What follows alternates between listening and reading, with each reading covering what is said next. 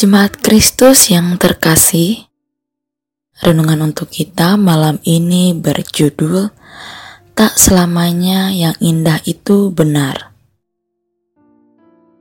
Dan bacaan kita diambil dari kitab Matius 24 ayatnya yang ke-23 sampai dengan ayatnya yang ke-28.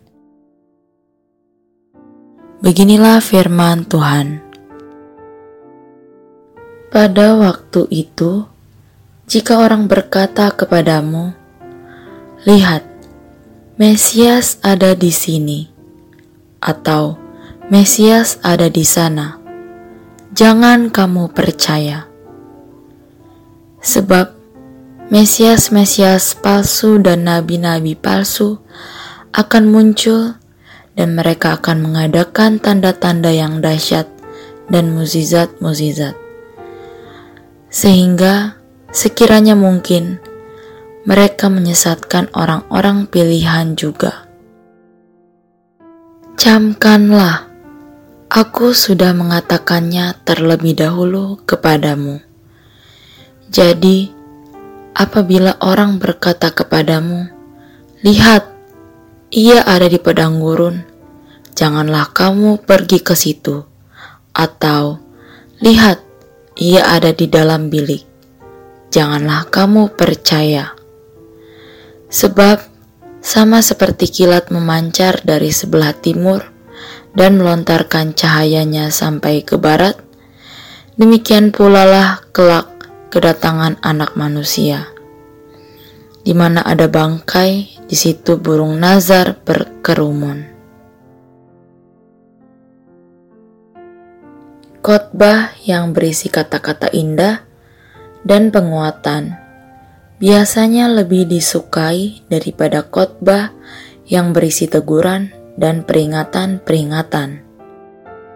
Oleh karena itu, ada banyak orang jahat yang memakai hal ini untuk menjerat orang benar agar mereka jatuh pada pergumulan.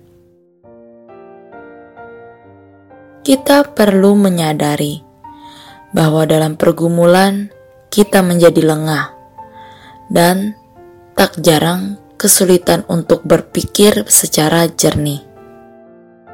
Dengan demikian, hidup berjaga-jaga memang bukanlah perkara mudah untuk dilakukan.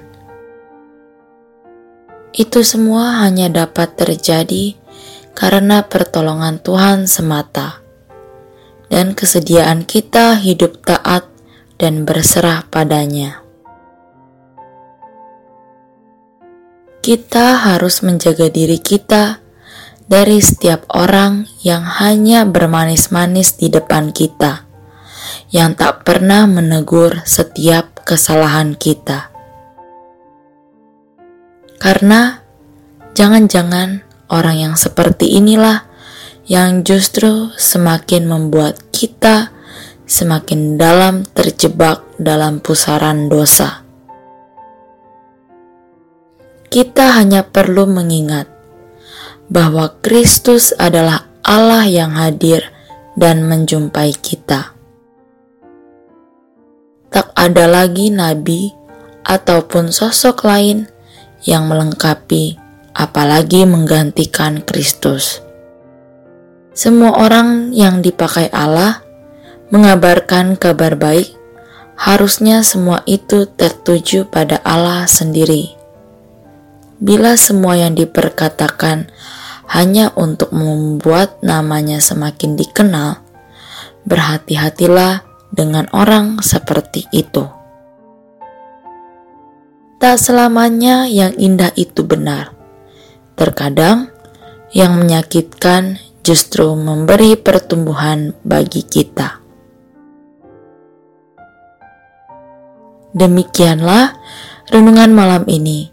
Semoga damai sejahtera dari Tuhan Yesus Kristus tetap memenuhi hati dan pikiran kita. Amin. Jemaat yang terkasih, Mari kita bersatu hati menaikkan pokok-pokok doa yang ada dalam gerakan doa 21 GKI Sarwa Indah. Mari berdoa.